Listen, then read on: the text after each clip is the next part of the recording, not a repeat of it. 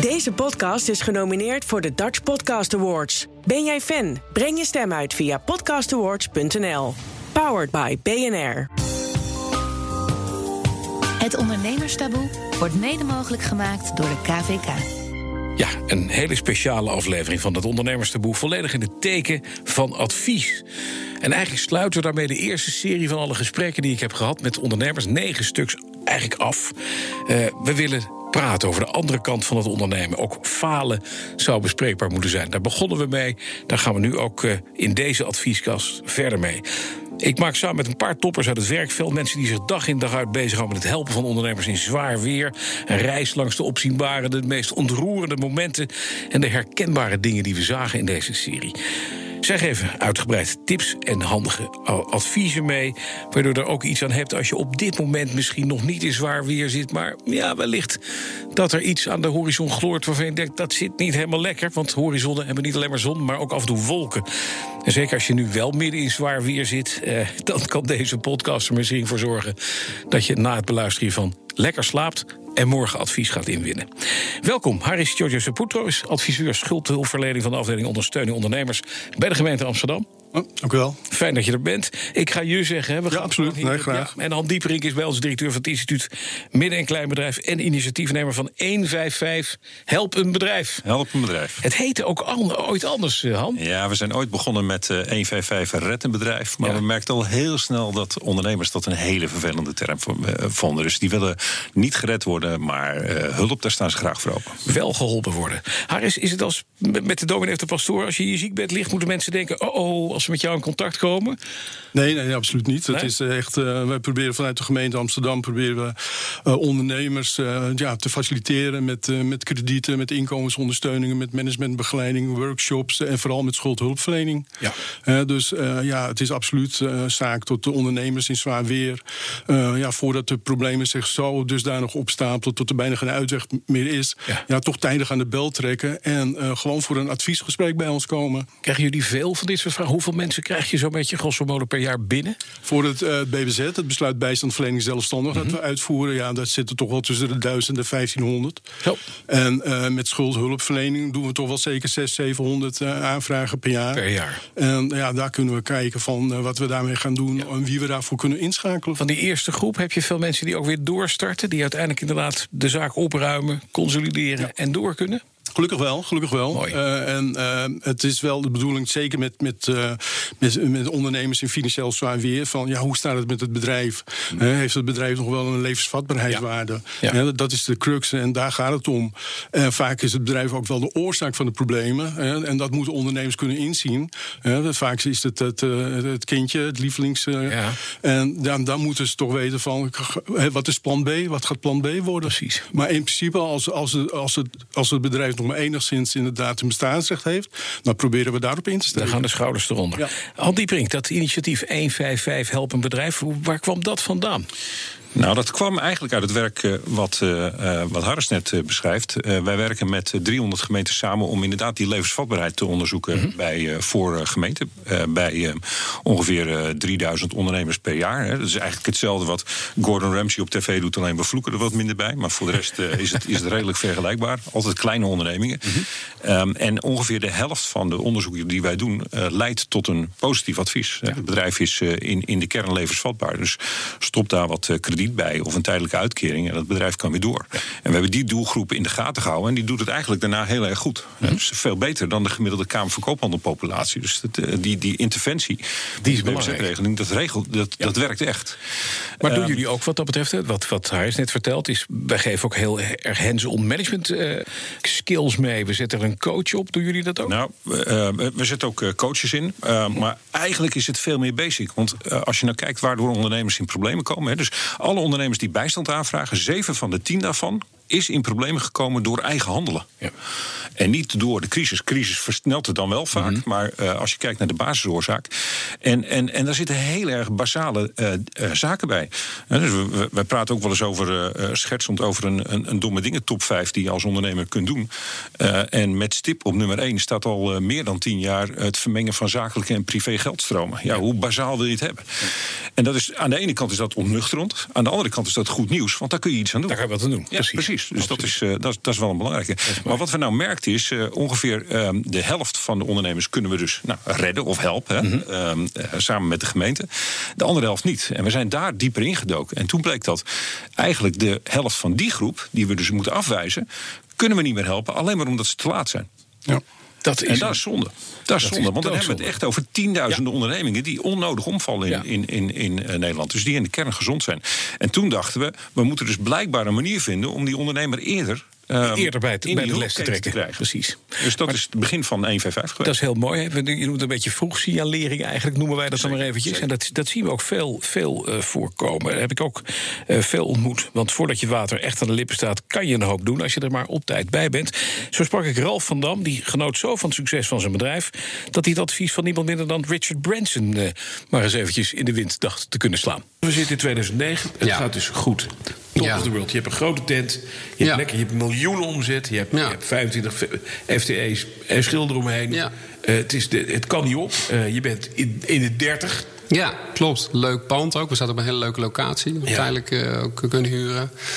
Ja, leuk, leuk team om ons heen. Nee, dat ging voor de wind. En ze voelden het ook. Ja. En je krijgt eigenlijk een heel van een bekende, zeer bekende Britse ondernemer. Ja. En advies wat je volledig in de wind slaat. Ja, 2009 ben ik op Big Improvement Day. Dat is, een, dat is een groot event elk jaar. Daar ben ik al jaren bij betrokken. En uh, Richard de Branson ontmoet ik. En ik vertel hem heel kort mijn concept. Op een gegeven moment had het razendsnel ja. door. Dat is, dat kenmerkt voor zo iemand mhm. natuurlijk. En het enige wat hij toen zei was van... Uh, manage je, uh, je downside risk. Hè, dus zorgt... En ik hoorde Als het fout gaat dat. Ja. ja. En ik hoorde natuurlijk wat hij zei. Hè, en dat neem je ook bloedserieus van zo iemand. En toch denk ik dat ik het onvoldoende echt heb laten landen. Ja. Ja, je denkt toch dat je uh, ja, op een goede zetel zit en dat je het, dan wel goed voor elkaar hebt. Maar, Ook nou, dat je risico's goed Ja, ja precies. Ja, weet je, ik denk van oké, okay, met juridische structuur is dat goed, fiscaal het goed bereid je.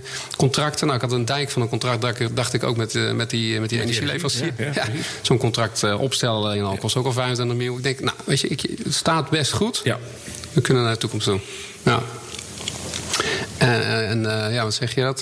niks is minder waar. want het kan verkeren. Ja, en dat kon ook verkeren aan één klant eigenlijk opgehangen. Dat was de, de bottom line. Downside risk zat daarin, Han. Uh, wat bedoelt hij met dat downside risk managen, dat uh, wat Branson zo, zo meegeeft aan Van Dam? is dat herkenbaar? Het is heel herkenbaar. Uh, eigenlijk heb je het over het plan B. Je kunt van tevoren best bedenken... Mhm. wat zijn nou de grote waarschijnlijkheden waar het mis kan gaan. Um, en wat gebeurt er dan? Bijvoorbeeld ondernemers die ziek worden, langdurig ziek worden. Um, dat kun je, je bedenken, er is een redelijke kans dat jij een keer serieus uh, ziek gaat worden of omvalt. Ja. Of, uh, een andere categorie is uh, scheidingen, relatieproblemen. Dat is echt een, een, een, bron van een hoop ellende in bedrijven. Of door afleiding, dat het ondernemer er niet meer bij is, of door het feit dat het bedrijf ineens verdeeld moet worden, of wat dan ook. Uh, daar kun je natuurlijk van tevoren over nadenken. En we vinden hier zo'n logische uh, rol eigenlijk voor uh, de boekhouders in zitten. Dus ik heb al met heel veel boekhouders en accountants gesproken. Waarom helpen jullie nou je ondernemers niet ja. met even een hele simpele risico-inventarisatie? Wat kan er misgaan? En maak daar nou eens een keer je plan B voor. Ja. Risk management. Ja, gewoon is niet. ook daar weer heel basaal. We hebben het niet over, over ja. spreadsheets invullen. We hebben het gewoon over wat kan er allemaal misgaan? Ja, maar het gaat dan goed, hè? dat horen we ook van Van Damhuis. Uh, het loopt allemaal lekker, mooi pand, goed merk, lekker contract, alles prima.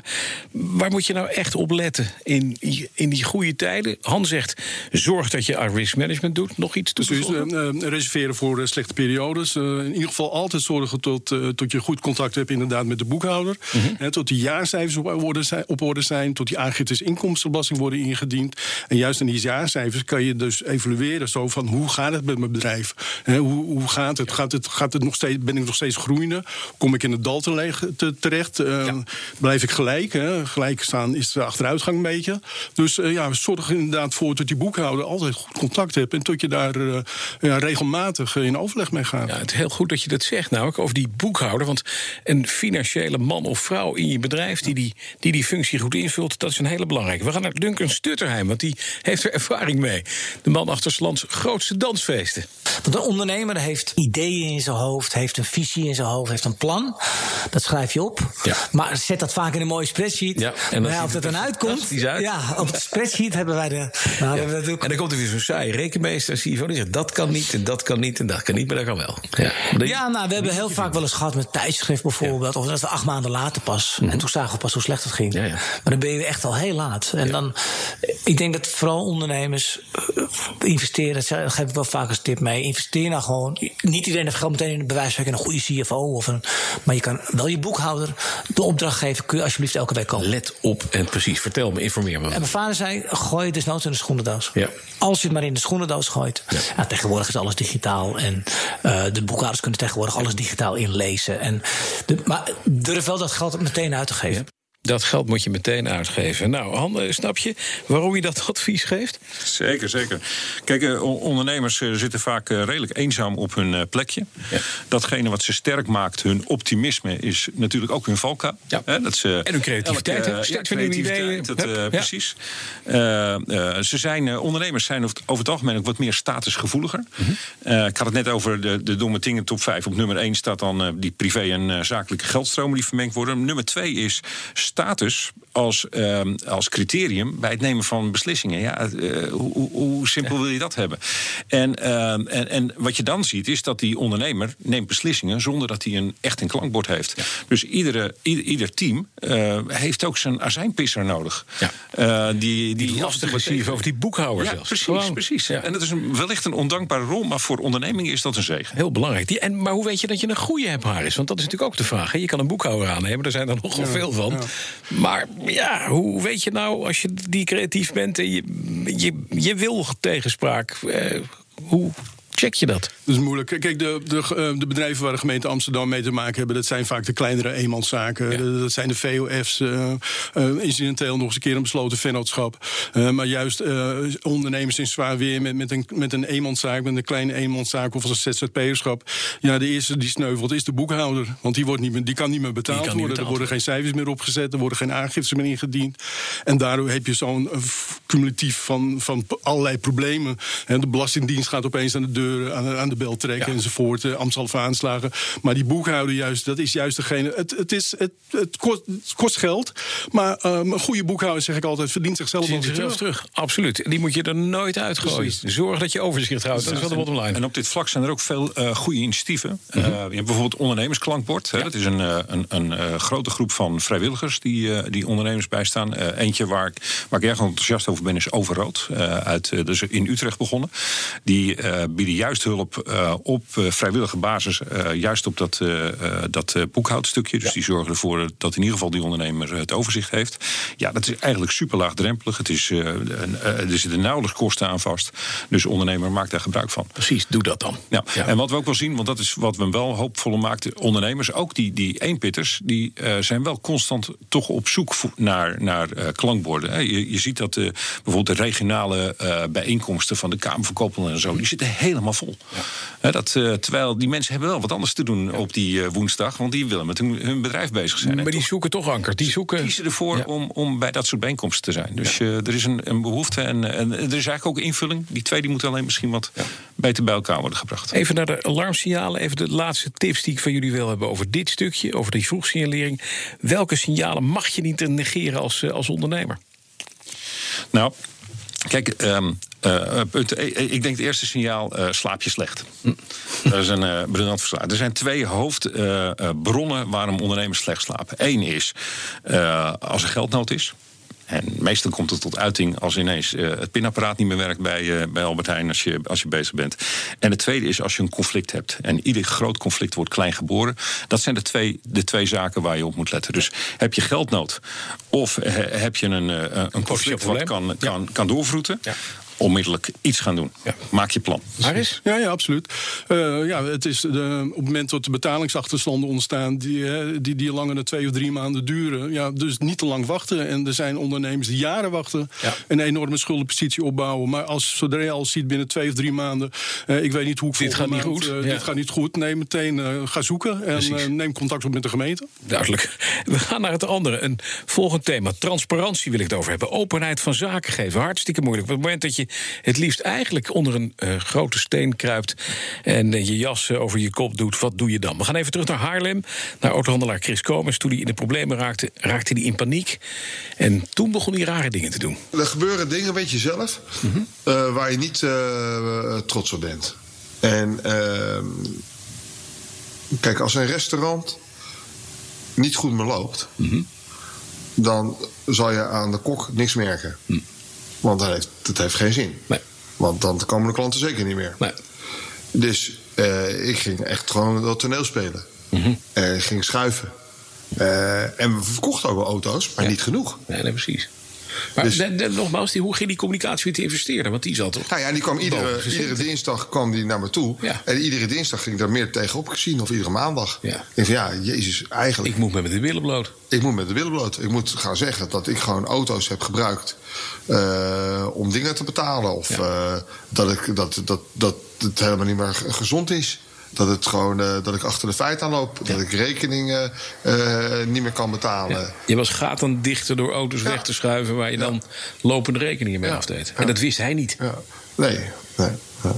En ja, dan komt er gewoon een, een, een, een moment dat je denkt van ja, nou, ben ik te, nou is te ver gegaan. Kijk, je hebt een relatie, je hebt uh, ouders en uh, iedereen denkt van oh, top, je vrienden, je kennissen. Je denkt, nou, uh, goh, hij ja, doet het lekker. Heeft een mooie zaak, zijn naam staat op de gevel. Kijk eens wat hij rijdt met een mooie auto, ja. goed gekleed, noem maar op.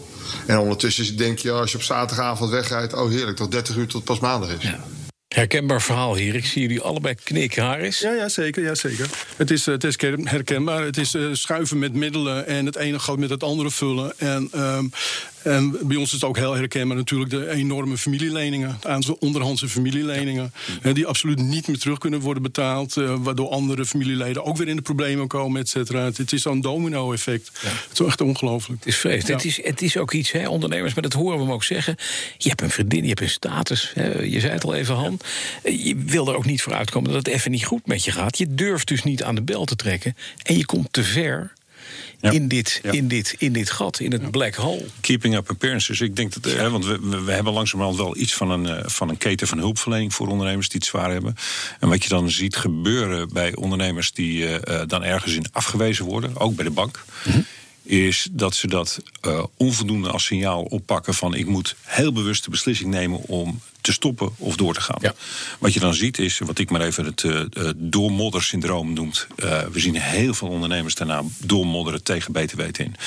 Um, en dus de, de overheid heeft dan een, een aardig palet aan dienstverlening.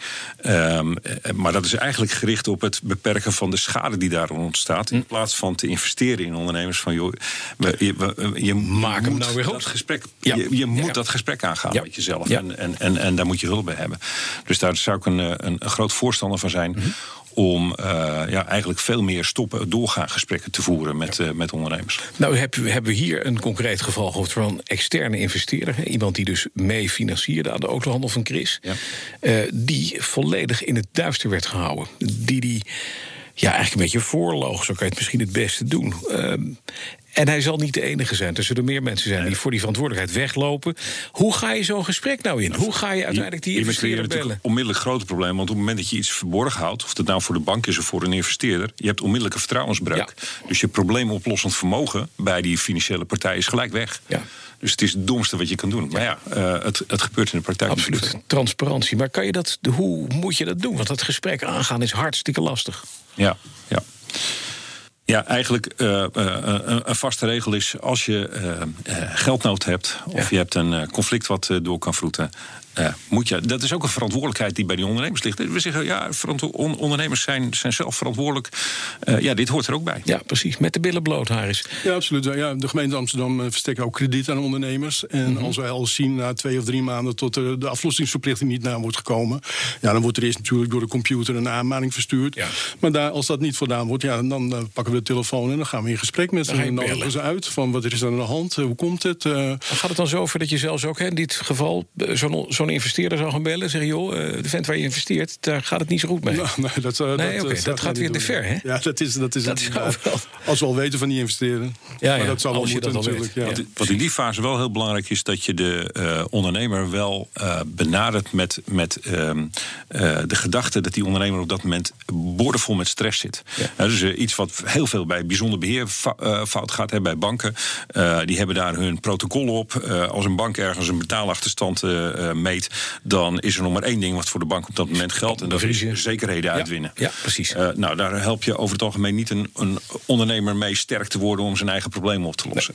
Nee. dus uh, ook bij, bij gemeentelijke trajecten is het zo belangrijk om misschien na, na, die eerste aanmaning, of het moet eigenlijk al na de eerste herinnering, ook laten blijken aan die ondernemer van dit is helemaal niet erg, maar we moeten er wel over praten. Ja. er zijn altijd oplossingen, ja. maar in plaats van joh, je loopt achter, want dan, ja, dan, dan ben je eigenlijk die stress er een beetje aan het invrijven. Hm. Suat redden een bouwbedrijf van faillissement en ze zweert met transparantie naar medewerkers, juist als het helemaal is misgegaan. Luister maar. Dag en nacht was ik echt in contact met ze. Dat is wat Amsterdam ook uh, heel speciaal was dan de rest: transparantie. De vestiging Amsterdam. Ja. We waren altijd echt in korte lijnen met collega's, mm -hmm. met personeel collega's, vastgoedcollega's. Ja. Uh, uh, up, update van alles. Elke dag werd gewoon de hele groep bij elkaar. Even tijdens de pauze even met elkaar uh, ja. afstemmen en op de hoogte houden wat er allemaal speelt. Ja, dat deed zij dus inderdaad. Ze nam een deel van het bouwbedrijf over. Heeft ze heel succesvol gedaan. Ze zit nog steeds in Amsterdam. Je kent het er ongetwijfeld. Nee. Zwart helemaal goed. Nee, nou, het is een Sorry. goed bouwbedrijf. Zij heeft dan wel het verhaal van je moet je medewerkers altijd op de hoogte houden. Daar is ze misschien wel, wel exemplarisch in. Dat is wel, wel, wel uh, pret. Maar hoe kun je nou het beste doen? Je medewerkers vertellen van jongens, het gaat niet goed. Stekker gaat eruit. Ja, absoluut. Uh, dat uh, duidelijkheid en weten waar die medewerkers ook uh, mee te dealen hebben straks als het helemaal misgaat en tot er misschien ontslagprocedures worden opgestart. Ja, ja tot er vooraf al in kennis zijn gesteld van luister, het gaat mis en wellicht ook gaat plan B in werking en moet ik de stekker eruit trekken. Maar je moet dan wel even door een dal. je moet durven. Je moet echt, je, ja, moet, je moet met de billen blowen. Nou. Wat ik wel erg goed, goed vind van haar verhaal is dat ze het altijd doet. Ja. Uh, want ik kan me voorstellen als een ondernemer het eigenlijk niet doet. En dan zit hij uh, een keer echt in problemen. Dat hij gaat nadenken. Ja, maar wacht even. Als ik een slecht weerbericht uh, naar mijn mensen. dan gaan misschien mijn beste mensen gaan lopen. Ja. dan zijn, worden mijn problemen alleen maar erger. Ja. Of ze gaan het vertellen aan de bank. en dan gaat die de kraan dichtgooien. Dus ja. als je het altijd doet. dan is een organisatie ook gewend dat het. Nou, af en toe zit het mee en af en toe zit het tegen. En ja. Precies, dus die transparantie over de hele breedte is heel belangrijk. Toch doet niet iedereen dat, dat weten we. Het wordt, het wordt opgespaard. Het is de uitzondering, laten we ja, even zeker. We gaan naar uh, Roger van Kamp van Leap. Die hebben we ook gesproken in de podcastserie. Staat op een gegeven moment op zijn zeepkist... met een videoverbinding aan al zijn medewerkers en alle filialen die hij had. 1200 man te vertellen dat het bedrijf failliet is. En toch moet het door.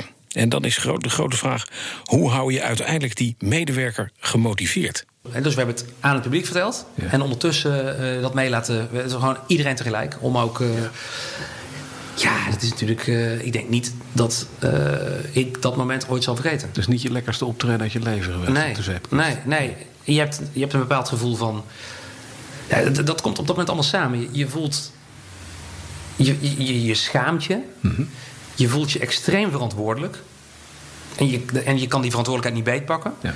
Uh, je vindt dat je tekort hebt gedaan. Je voelt je, uh, ja, je vindt, of voelt alsof je gefaald hebt. Het komt allemaal op één moment samen. Ja. Dus dat, en ondertussen moet je ook nog uh, aan die mensen uitleggen: dit is niet het einde van de wereld.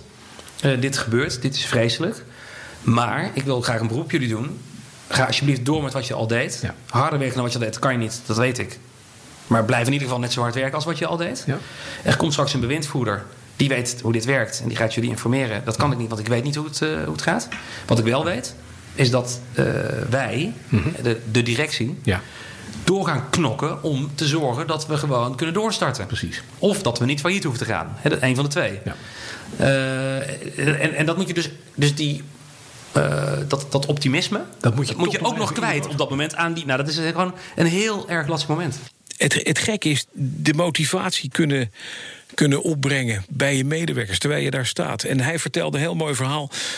Ik heb het eerst mijn vrouw verteld. Dat was een ontzettend zwaar ding. Van jongens, de tent gaat, gaat eronder door. En ik moet het nu met mensen gaan vertellen. Dat is de volgende stap. En hij heeft echt in, in het bos gewandeld om daaraan te wennen aan dat idee. En dan moet je inderdaad opbrengen om te zeggen: we gaan doorstarten, we willen door, we gaan het op een andere manier regelen. Er werd extern geld bijgehaald, hij kreeg dat niet van de bank. En uiteindelijk heeft hij die doorstart wel gemaakt. Maar je staat daar wel ten overstaan van je mensen te zeggen dat je, dat je gefaald hebt. Hè? Dat waren zijn letterlijke woorden. En dan zorgen dat ze niet weg gaan lopen, dat ze niet naar de concurrent gaan. Hoe hou je die mensen gemotiveerd? Nou, de les, ik heb die podcast uh, gehoord. Uh, mooi gesprek.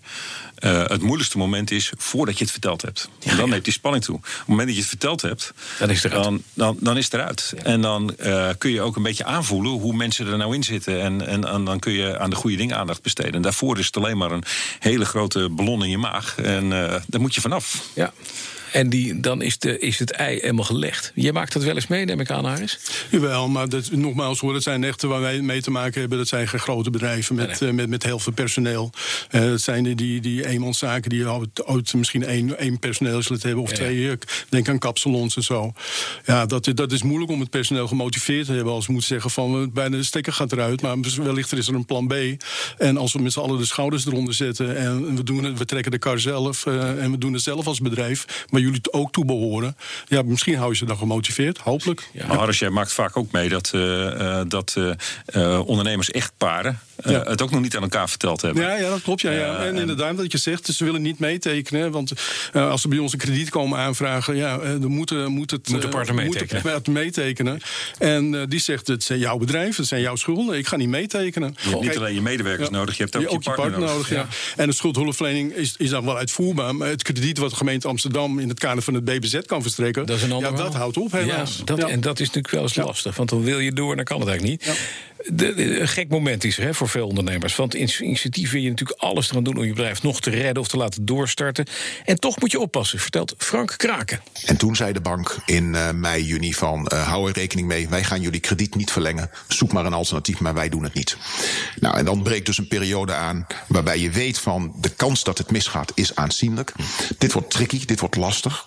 En ik moet zeggen, achteraf is misschien wel de allerbeste beslissing die ik heb genomen, is om een. Um, curator te bellen, waarvan ik wist, een, een, een, advocaat die regelmatig als curator optrad.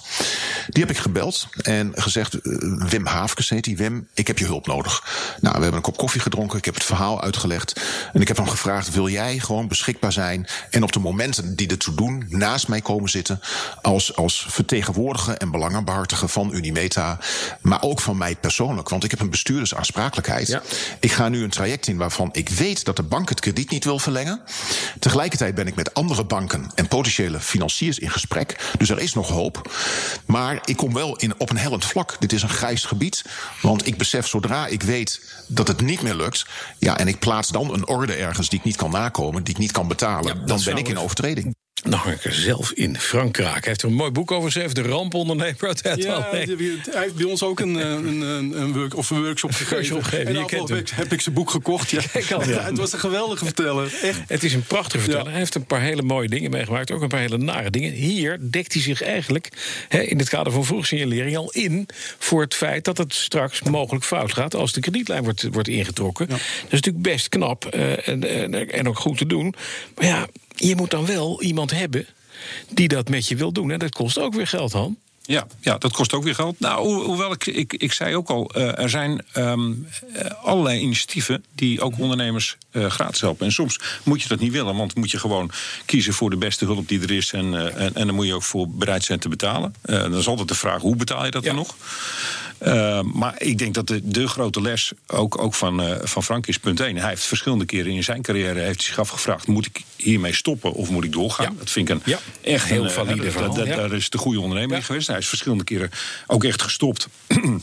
En achteraf is dat uh, maar goed geweest ook. Uh, maar ook hier weer, dit, dit soort belangrijke momenten. En, en wanneer je echt in problemen komt, maar ook wanneer je ineens een groeispurt wil maken, gaat niet in je eentje lopen doen. Ja. Zorg dat je een klankbord hebt en graag een deskundig klankbord. Maar alleen al een klankbord is al een hele winst ten opzichte van in je eentje gaan ja. zitten. Ja, zitten rommelen eigenlijk. Hè? Want dan komt het op neer, rommelen. zeker. Als het niet, niet goed gaat. Ja, absoluut. En, en, dit was dan een bevriende curator die hem dan inderdaad een dienst verleent. Uh, ja, schakel inderdaad op tijd een professional in. Het kan ook via schuldhulpverlening. De schuldhulpverleners uh, op het gebied van ondernemerschap... die zijn ook zeer, uh, zeer goed onderlegd en onderbouwd. En zo, die weten de hoed en de rand. Dus die kunnen je daarin begeleiden. Ja. ja doe het niet alleen, zeker niet met problematische schulden. Eigenlijk het belangrijkste criterium voor iemand die, waar je mee klankbord... is dat het iemand is die streng is. Ja, die je al gezegd, dat, begrijp, dat gaan we doen. Ja. iets waar ondernemers geen behoefte aan hebben is... Iemand die meepraat. Het, uh, van, die, van die slappe heelmeesters of zo. Ik weet niet ja, hoe je het noemt.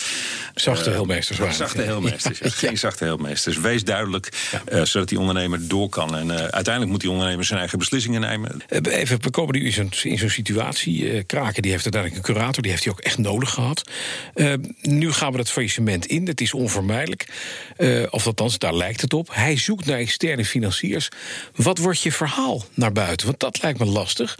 Je moet dus bij een externe financier gaan vertellen: ja, het gaat aardig. Ik vind dat het goed gaat, maar ik ben ondernemer, ik ben optimist uh, van nature. Uh, de bank trekt de stekker eruit. Wil jij er niet een miljoen in stoppen? Hoe ga je dat verkopen? Is een lastige vraag. Ja, bijna niet natuurlijk. Zeker nee. niet als, als er al een faillissementsaanvraag uh, lopend is. En tot er een rechtszitting eerder gaat beginnen. En ja, dan, wat moet je dan nog doen? Je bent wanhopig, je probeert her en der uh, uh, hulp te verkrijgen. Zeker financiën. Ja. Maar ja, op het moment zo'n faillissementsaanvraag loopt er niet voor niets. Ja. Er is ja. een echt een enorme schuldenpakket dan. Precies. Dat ja, is eigenlijk ben je dan te laat. Je bent gewoon te laat. Ehm, dan, dan voelt die investeerder voelt het mes op scale. Ja. En dan worden ze over het algemeen niet heel erg creatief van. Niet, niet, niet happy van. Nee. Nee, nee. Dus ben je, ben je eerder, dan uh, kun je. Ja, uh, nogmaals, het is net als met die, met die medewerkers. Voordat je het bericht verteld hebt, is eigenlijk de moeilijkste tijd. Ja. Daarna kun je in ieder geval met een investeerder praten over hoe hij zijn exposure kan, uh, kan uh, ja, verminderen. Ja, zeker. En dan is er weer wat te winnen. Ja. Uh, nou zitten we na die faillissementsaanvraag. Het faillissement is uitgesproken. Of, of wordt daar, je krijgt een curator op je, op je, op je dak. Faillissement is uitgesproken.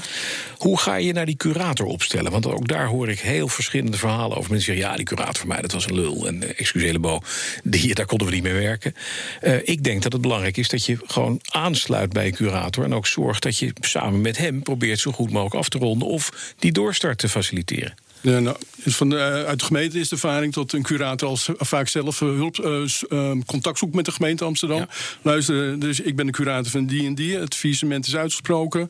Uh, nogmaals, het zijn meerdere keren ja, kleinere eenmanszaken, VUF's, misschien een BV, kleine BV. Mm -hmm. Maar ja, op een gegeven moment, ik weet nu al dat er geen, geen baten meer zijn. Dus ik ga het faillissement opheffen wegens gebrek aan baten. Ja. Maar dan komen die schuldeisers natuurlijk meteen weer naar de klant toe. Willen jullie alvast deze casus opnemen om schuldhulpverlening na het faillissement uh, te gaan opstarten. Ja, ja. En dan kunnen wij inderdaad ook proactief uh, met, met de klant bezig zijn. Ja, ik zal de benaming niet uh, herhalen nee, sorry, zijn. Maar, maar, maar, ik herken het wel. Want uh, laten we even wel zijn. De curator zit er niet om de ondernemer te helpen. Nee. Ja. De curator zit er namens de crediteuren onderuit te halen wat erin zit.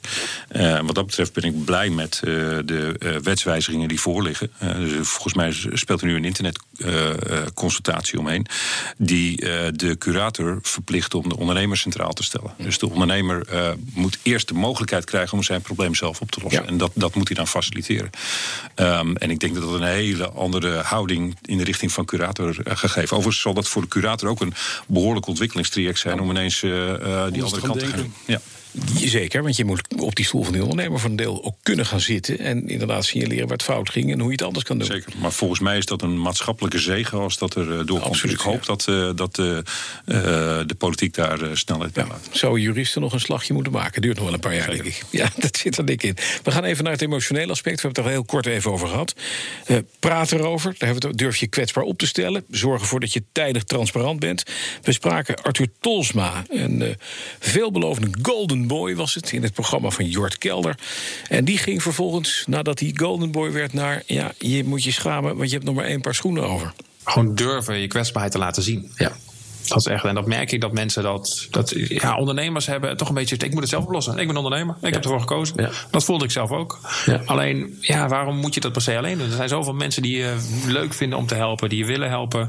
En ook, je zal, dat merkte ik ook. Ik heb al gesprekken gehad met mensen. Die ik dan, toen ik dat in het begin een beetje durfde te vertellen, zulke mooie open gesprekken. Want dan vertelde ik hoe, dat dit moeilijk was. En dan kwam iemand van 20 jaar ouder kwam, uh, met een verhaal dat uh, soms over privé inderdaad zaken, mm-hmm. scheidingen en, uh, en die andere over zakelijke financiële ook. Hele mooie gesprekken gehad. De, en de, de band wordt ook steeds, steeds sterker. Dus ik merk nu juist door dit verhaal te vertellen, of door te vertellen wat ik heb meegemaakt, is mijn contact met anderen ook uh, intensiever. Zei Arthur Tolsma Harris. Mensen helpen met het gesprek gaan voeren, over je gevoel praten, ook met, met andere ondernemers. Inderdaad, wat hij zegt, ja, dat, dat, dat doe je niet. Want jij weet het allemaal wel. Hoe krijg je ze zover? Nou, die emoties kroppen vanzelf wel op hoor. En, ja. ja. zeker. Kijk, als een ondernemer ons heeft gevonden en ik ga in gesprek met zo'n ondernemer, hè, dan uh, ik, ik, ik beoordeel, maar ik veroordeel niet en zo. Maar ik, ik, geef wel aan van, je staat hier nu niet meer alleen in jouw schuldenpositie. En wij als gemeente gaan kijken, we zetten een professionele schuldhulpverlening achter eh, op en uh, we hebben kredieten die we kunnen verstrekken. Ja. En zo'n man heeft dan al die emoties, heeft hij al gedurende, ik weet niet hoe lang heeft hij die opgekropt. En als we dan één op één in die spreekkamer zitten en dan is een volwassen man hoor, van 120 kilo Hè, en 40, 50 jaar. Ja, die breekt gewoon. Ik, ik neem ook altijd tissues mee naar de spreekkamer. Want uh, daar gaat er altijd wel op een dag eentje huilen. Dat weet je. Hè, want die, die, voelen zich gehoord. Die, die worden niet veroordeeld. Ze hoeven geen verantwoording af te leggen. We vragen natuurlijk wel naar de oorzaak van de problemen. Maar we gaan niet met het vingertje nee, wijzen. En jij bent dus ook al en je hebt het verkeerd gedaan. Dat doen we niet. Maar we, we, we, geven wel aan tot we hem gaan helpen. Nou, gegarandeerd breken. En die emoties komen er dan uit. Gelukkig gelukkig. Die emoties, hè, je kan, dat zei Tolsma ook uh, mooi uh, anders. Dat, uh, die zegt, toen ik ging praten met andere mensen die in hetzelfde schuitje hadden gezeten... toen begon het kwartje te vallen eigenlijk. Iedereen denkt dat hij de enige patiënt is met een ongeneeslijke ziekte... die niemand kent, die zo zeldzaam is dat. Maar er zijn er meer op deze wereld. Hoe doen jullie dat met 155 Help een Bedrijf? Hebben jullie daar ook dit soort gesprekken... over die emotionele kant van het, nou, die, van het verhaal? gesprekken heb je wel. een, een van de dingen waarmee we bezig zijn... is kijken of we een buddy systeem kunnen opzetten want wat je ziet is dat uh, ondernemers, ondanks dat ze uh, met mensen te hebben die de beste bedoelingen hebben. Mm -hmm.